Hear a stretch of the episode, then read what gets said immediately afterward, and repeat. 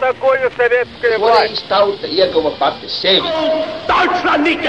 Liktenīgas nejaušības un slēptas likumsakarības, subjektīvas patiesības un objektīvi aizspriedumi.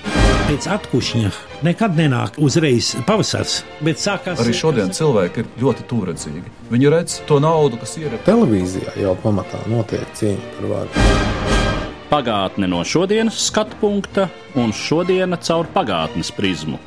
Raidījumā šīs dienas acīm. Katru svētdienu Latvijas radio eterā Eduards Liniņš. Labdien, cienījamie klausītāji! Šodien mēs pievēršamies simt gadus seniem notikumiem, kas joprojām ir aktuāli arī mūsdienu Eiropas politikā. Proti, es runāju par armēņu genocīdu Turcijā un to, kā tas joprojām iespaido Turcijas un daudzu pasaules valstu attiecības. Mans sarunbiedrs studijā politologs un politiķis Veikos Polītis. Labdien! Labdien! Armēņu genocīds, kas ir vēsturisks fakts, par ko ir daudz liecību, šie notikumi faktiski ir bijuši lielā mērā pamatā genocīda formulējumam vispār. Juristi, analizējot šos notikumus jau vairākus desmitgadus vēlāk, izvirzīja šo terminu - genocīds. Vienas tautas iznīcināšana, bāzējoties uz tās tautas kā pamatu, lai viņu iznīcinātu. Jā, tā tad pēc etniskās pazīmes. Un Eiropas 20. gadsimta vēsturē tāds pirmais plašais precedents, kaut arī notikumi notiek priekšāzijā, Osmaņu impērijā, mēs tomēr runājam par Eiropu. Mēs jau arī iepriekšējās sarunās pieskaroties Osmaņu Turcijas jautājumam, esam secinājuši, ka tā lielā mērā tomēr ir Eiropas valsts. Un arī armēņu nācija kas jau gadu tūkstošiem apdzīvo teritorijas šajā reģionā, gan pēc piedarības kristīgajai baznīcai, gan pēc savas kultūras, uzskatām par Eiropas nāciju. Vairāku simtu tūkstošu, iespējams, pat tas maksimālais skaitlis - pusotras miljonus upuru. Tie ir šausminoši skaitļi, to nereti un arī pamatoti salīdzina arī ar holokaustu. Tajā pašā laikā jau kopš mūsu gadsimta 20. gadiem Turcijas valdība konsekventi noraida apsūdzības genocīdā un apgalvoja, ka ja arī upuri ir bijuši, tad tie ir skaidrojami ar citiem apstākļiem, nevis ar Turcijas valdības mērķiecīgi īstenotu vēršanos pret armēņu etnosu. Šodien, skatoties uz pasaules karti, Armēnijas teritorija ir samērā neliela un varbūt var rasties neadekvāts priekšstats par to, cik liela jau tūkstošiem gadu ir bijusi šīs nācijas vieta tuvo austrumu reģionā. Jā, paldies tev par ļoti dziļo un reizē arī plašo ievadu, kurš, manuprāt, ļoti labi ieskicēja tās problēmas būtību. Un pirms runāt par armēņiem, atbildot uz tavu jautājumu, mēs šeit varam vilkt arī mazliet līdzības ar Latvijā notiekošo diskusiju par okupācijas atzīšanu vai neatzīšanu, jo galu galā jautājums par um, genocīdu pirmais tiešām bija polijas ebrejs Rafaels Lemkins, kurš šādi viņu definēja, bet viņš to definēja savā grāmatā Axis Rule in Occupied Europe, apmēram tātad Asvalstu, valstu vara okupētajā Eiropā, kuru viņš publicēja 1943. gadā, kur viņš pirmo reizi pamatojoties uz armēņu cilvēku iznīcināšanu, ņemot par pamatu viņu etnisko izcelsmi, definēja šo genocīdu jēdzienu.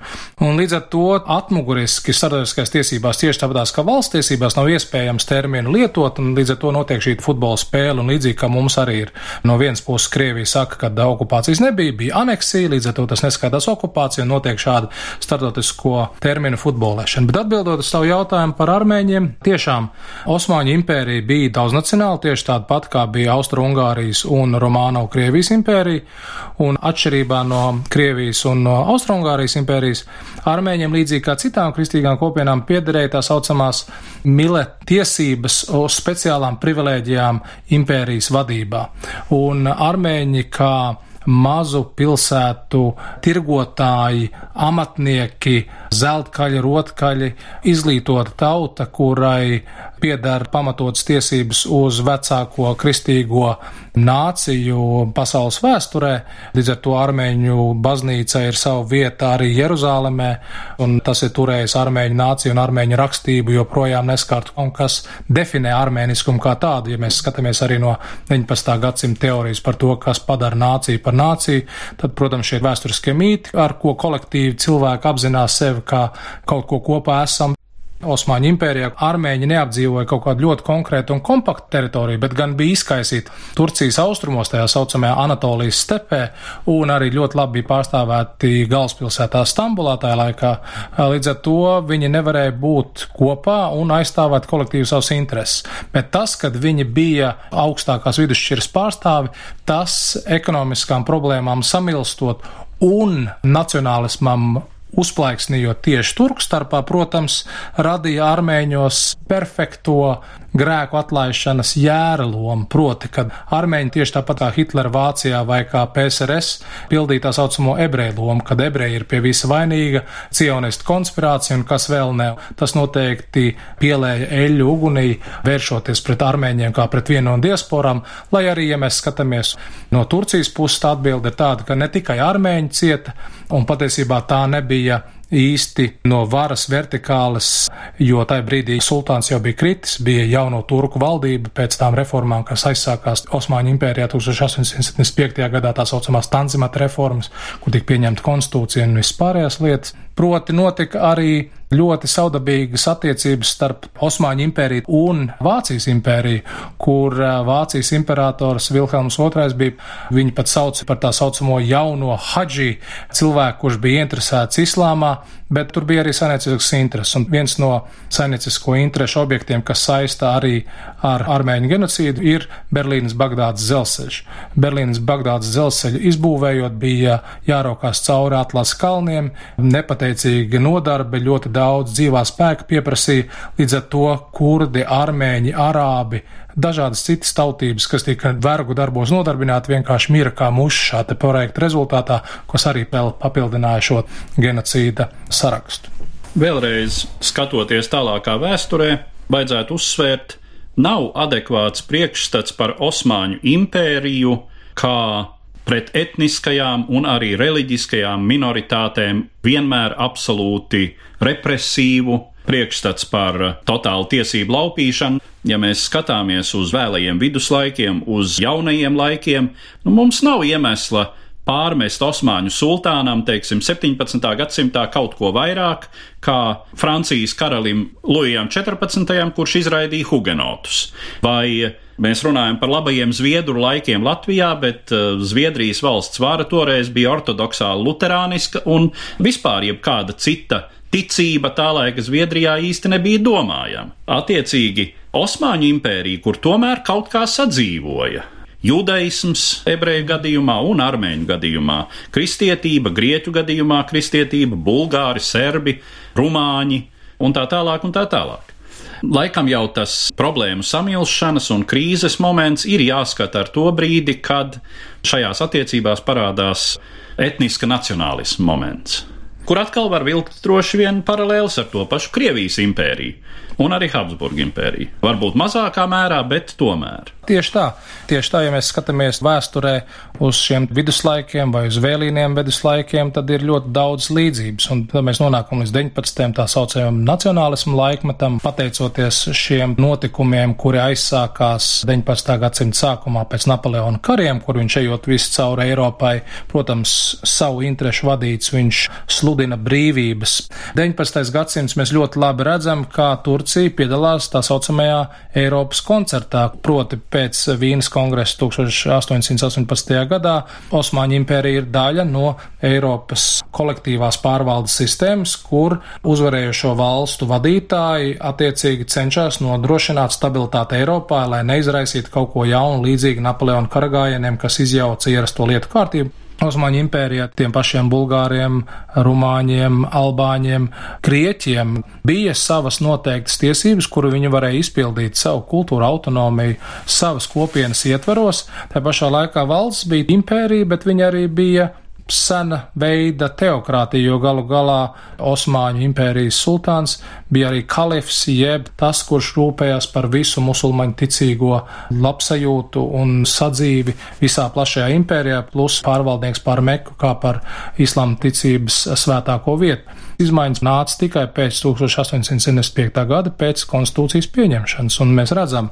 armēņu grautiņi sākās pirmkārt jau 1894. gadā, tātad gandrīz 20 gadus pēc konstitucionālām reformām, tad viņi turpinās 95., 96., pēc tam 1909. un tad, protams, 14. 15. kur tautas skaitīšanā skaidri parādās, ka Pirmā pasaules kara sākumā, kur atšķirībā no Otrā pasaules kara Turcija piedalās karā, un kas arī ļoti ietekmē armēņu jautājumu, tad Osmaņu impērijā sarakstos ir 2 miljoni 133 tūkstoši armēņu. Un 1922. gadā, gadu pirms Turcijas republikas pasludināšanas, viņu skaits ir samazinājies līdz 387 tūkstošiem. Tā kā ļoti skaidri mēs redzam, ka šeit ir genocīdam līdzīgas pazīmes.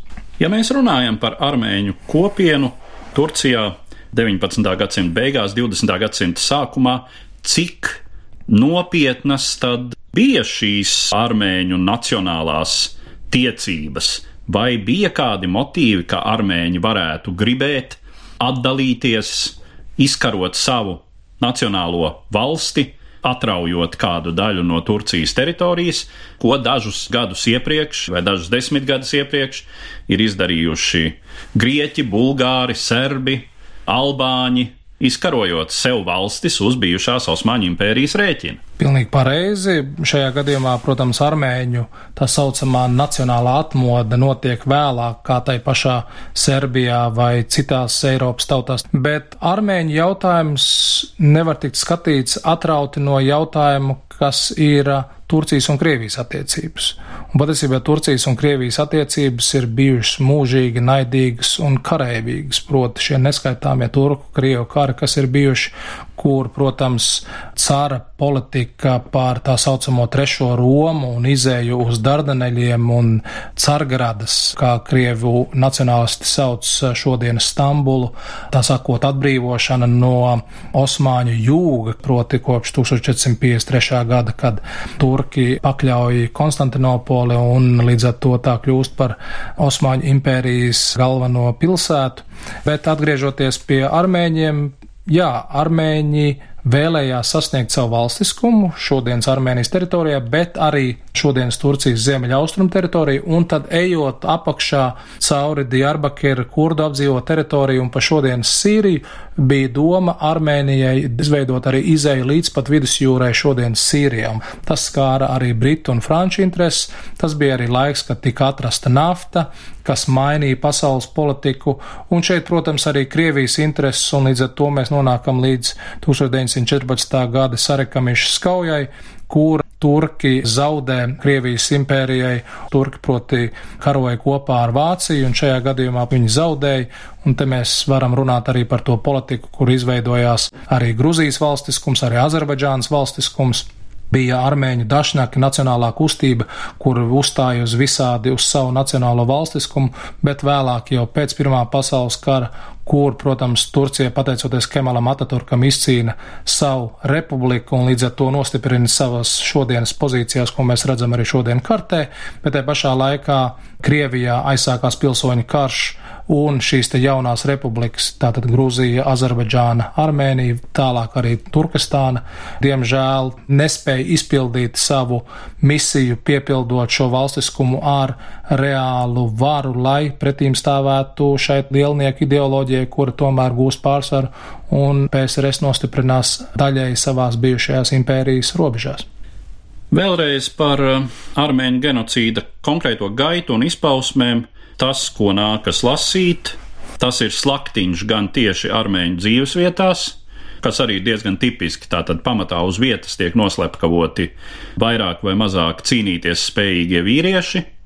Vietām armēņi arī bruņoti pretojas, bet tad ar pārējiem, kas ir sievietes, bērni, veci cilvēki, apietas arī visnotaļ brutāli, liekot viņiem kājām doties pārgājienos uz nometinājumu vietām arī ir etapēšanas nometnes, koncentrācijas nometnes, bet tās galīgās nometinājuma vietas ir dzīvošanai stipri nepiemērotos apgabalos, tagadējās Sīrijas Ziemeļos, ziemeļos tuksnešu reģions, kur faktiski šie cilvēki arī ir lemti lielā mērā bada nāvei. Ir arī visā šajā procesā pastāvīga brutalitāte, sieviešu seksuāla izmantošana, slepkavības, iet nespējīgo nogalināšana, gājiena laikā mazu bērnu, reizēm noslepkavošana, bērnu mirstība ārkārtīgi lielā skaitā un tā tālāk. Un droši vien tikai tas, ka šīs Turcijas teritorijas tiešām atrodas tālu prom no to brīdi karojošās Eiropas acīm, tas neizraisa tūlītēju sašutuma eksploziju Eiropā. Nu, atkal velkot paralēlus, nu, apmēram tāpat kā maz jau Eiropa zināja par staļiniskajām represijām. Pilnīgi pareizi, lai arī pirms raidījuma izgāja cauri mazliet historiogrāfijai, piemēram, 1915. gadā vismaz 145 raksti New York Times parādījās, bet atkal mēs nerunājam par Eiropu, bet mēs runājam par otpus Ameriku, un te, protams, arī jāatcerās, ka Amerika arī bija ieinteresēta Britu impērijas valdījumos, un to mēs redzam ļoti skaidri vēlāk Parīzes 1919. gada nolīgumu kontekstā. Bet eh, runājot par to, kas notika, skatāmies 1992. un 1993. gada notikumus bijušajā Dienvidslāvijā, skatāmies Ruanda 94. un 98. gadā, skatāmies šobrīd, kas notiek Sīrijā, vai tiešām mēs esam kaut ko mācījušies. Tas būtu jautājums, kas jāuzdod, es domāju, jebkuram no mums pasaulē, redzot, kādā veidā šīs zvērības pret eh, humanismu, pret cilvēcību notiek joprojām. Jā, es atļaušos teikt, iespējams, ka izmaiņas pirmkārt ir tehnoloģiskas.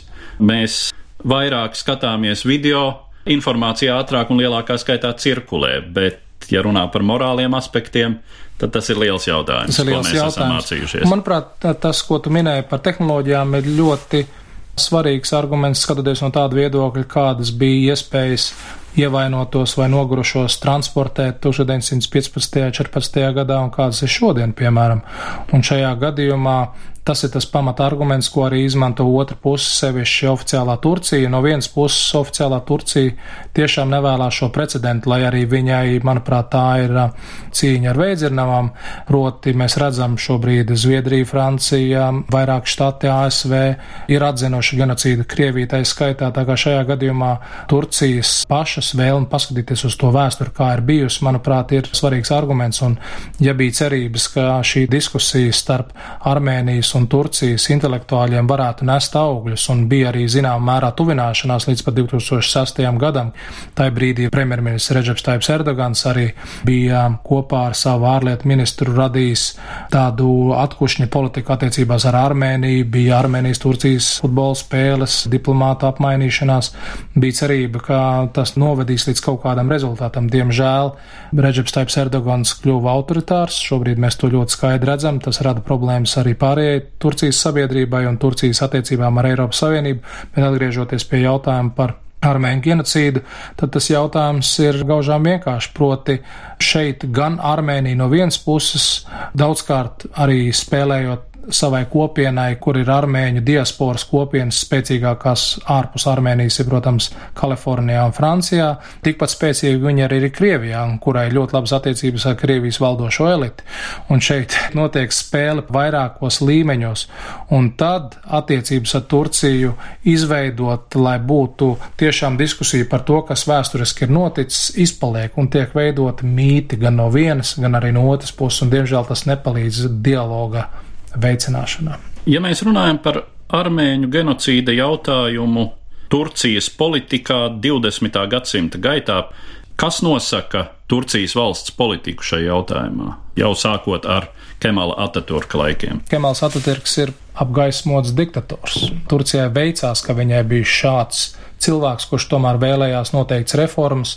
Viņš pats bija Tesalonikos vai Salonikā, Osmaņu impērijas grieķu daļā dzimis, uzaudzis, gājis karaskolā, un līdz ar to viņa izpratne par to, kas ir Turcijas vieta, bija noteikti Eiropas ietekmēta.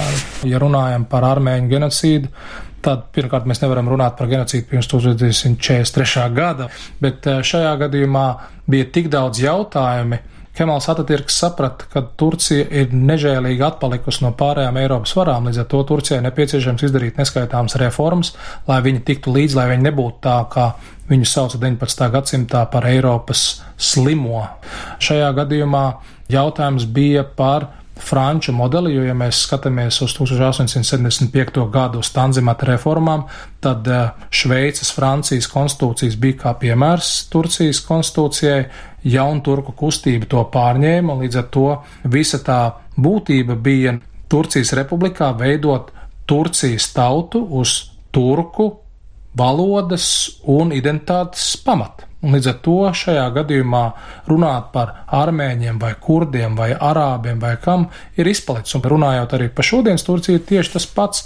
Tā ir vispār pieņemta praksa, jo tā ir daļa no skolu programmas, kura sakņojās Francijas izpratnē par to, kas ir Francijas tauta. Proti tā ir Rousseau vispārējās gribas izpausme, ka tie cilvēki, kuri vēlās būt Turcijas republikā, līdz ar to iekļaujoties Turcijas tautā, kura runā turku valodā un kura sevi pamato saskata kā republikas pilsoņus, kur šī identitāte ir politiska un šī politiskā nācija, protams, sakņojās turciskumā kā tādā. Līdz ar to jautājums par armēņiem vai citām tautām arī šobrīd izpaliek, un, protams, viņš rada arī zināmas problēmas arī Turcijas šodienas politikā.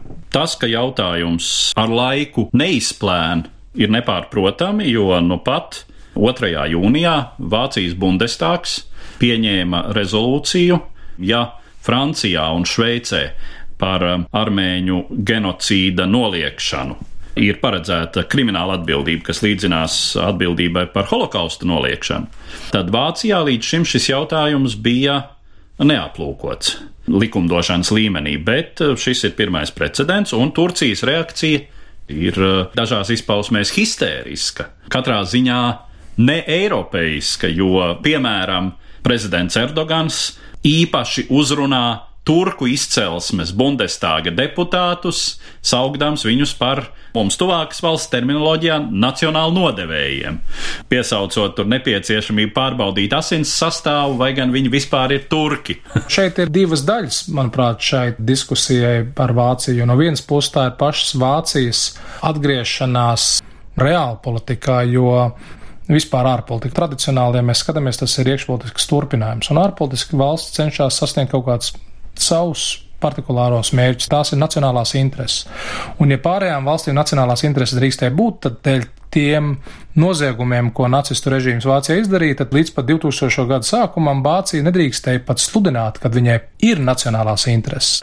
Es domāju, tas ir tas pamata arguments, kāpēc Vācija neuzdrošinājās pārskatīt jautājumu par armēņu genocīdu, jo tas uzreiz dotu iespēju viņas ienaidniekiem teikt, ka Vācija tagad mēģina rehabilitēt nacismu, sakot, ka arī citur tas ir izveidots, tā kā šeit ir vairākās līmeņos šīs politiskās diskusijas, kurās Vācija nevēlējās iesaistīties, bet no otras puses, kas notika Vācijas Bundestāgā un tās diskusijas, kurām arī es sekoju, tas diemžēl parāda piemēru, kad šodienas Ankara Reģeptāja Perdegana vadībā diemžēl nav spējīga paskatīties vēstures notikumiem acīs, jo galu galā, tā kā mēs iepriekš diskusijā šeit spriedām, tad jautājums ir nevis par Turcijas republiku, bet gan par Osmāņu impērijas sabrukuma periodu, kur jauni turki nāk pie varas, galu galā tie trīs pašas, kuri vadīja genocīdam līdzīgos notikumus valsts dienvidu austrumos pret armēņiem, kurdiem, arābiem un citām tautībām, šos jautājumus varētu pārskatīt. Bet tad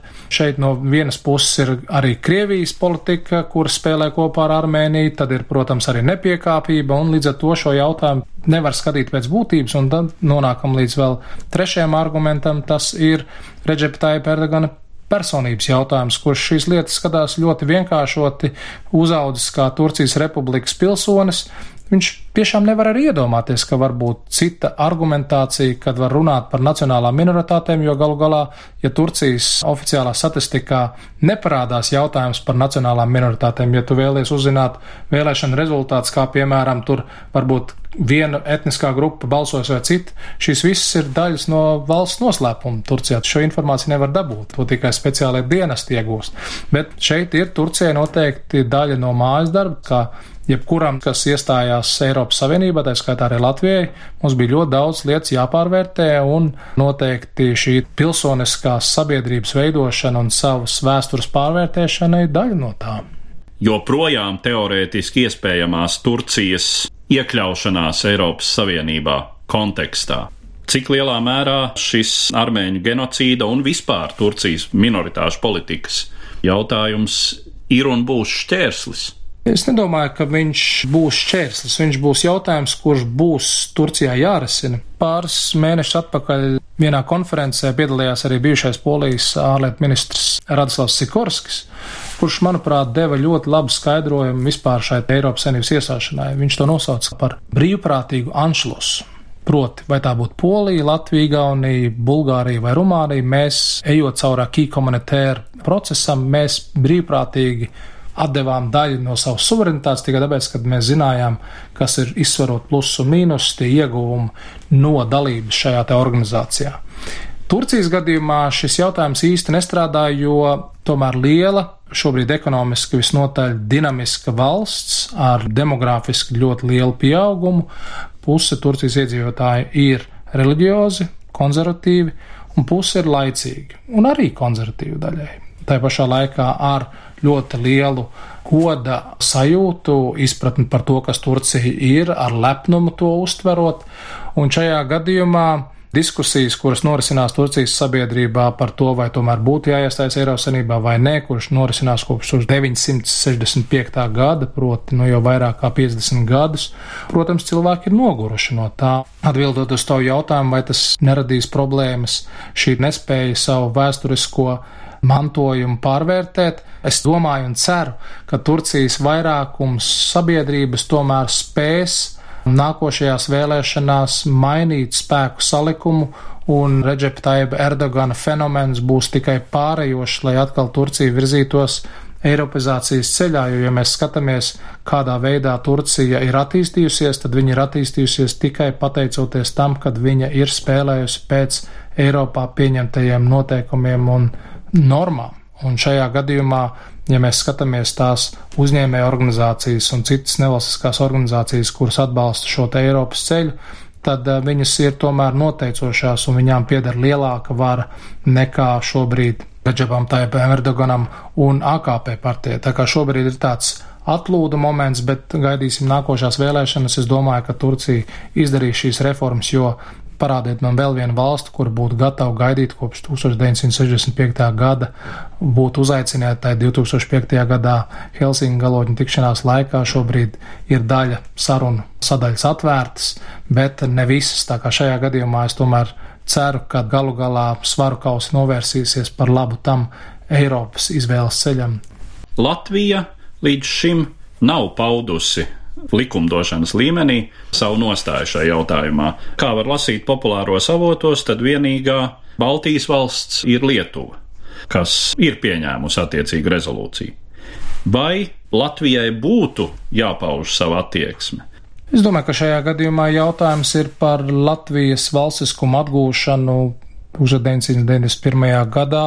Te ir jautājums arī par to, kuri bija tie, kuri mūs atbalstīja mūsu valstiskumā, kuri neatzina mūsu okupāciju, Turcija bija viena no viņām, kuri mūs atbalstīja ceļā uz NATO, un tas, protams, noteikti ietekmēs šo balsojumu, jo šī brīža Turcijas vadība noteikti mēģinās lobēt, lai šāda deklarācija nebūtu pieņemta. Tā pašā laikā es teiktu tā, ka armēņu lobbyis ir vājāks noteikti Latvijas parlamentā, bet kopā ar Krievijas lobby noteikti šie spēku samēri mainās. Tā kā šajā gadījumā reāla politika un apzināšanās par to, kurš vēsturiski ir palīdzējis mums grūtos brīžos, un tas ir tas, ko valsts novērtē vislabāk. Es domāju, tas nosver par labu tam, ka šīs deklarācijas diskusijas šobrīd Latvijas parlamentā nav.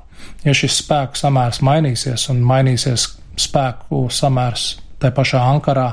Es domāju, ka mēs varētu nonākt arī līdz jautājumam par šo jautājumu pārskatīšanu, bet galu galā man šobrīd, skatoties no līdzdalībnieku lomas saimā, es neredzu, ka šādām deklarācija varētu ienākt saimas dienas kārtībā, bet to nekad nevar izslēgt. Tā pašā laikā mums ir vesels lērums citu jautājumu, kurus tikpat labi varētu pacelt Tibetas jautājums attiecībās ar Ķīnu. Tas būtu jautājums noteikti par vairākiem Āfrikas konfliktiem, runājot par deklarāciju, kur nosodītu armēņu genocīdu. Viņš vienā dienā var parādīties, bet viņš, manuprāt, neparādīsies viens pats, viņš parādīsies kopā ar kādu kopīgu Eiropas Savienības iniciatīvu, kad Eiropas Savienībā nobrīdīs jautājums parādīt Ankarai, ka tomēr savas vēstures izvērtēšana ir svarīga. Ar tādu secinājumu es arī gribētu noslēgt mūsu šodienas sarunu, kas bija veltīta armēņu genocīdam Osmaņu impērijā pirms simt gadiem un tā iespaidam uz šodienas Eiropas politiku, un es saku paldies manam sarunbiedram Veiko Spolītim. Katru svētdienu Latvijas radio viens par pagātni sarunājas Eduards Liniņš.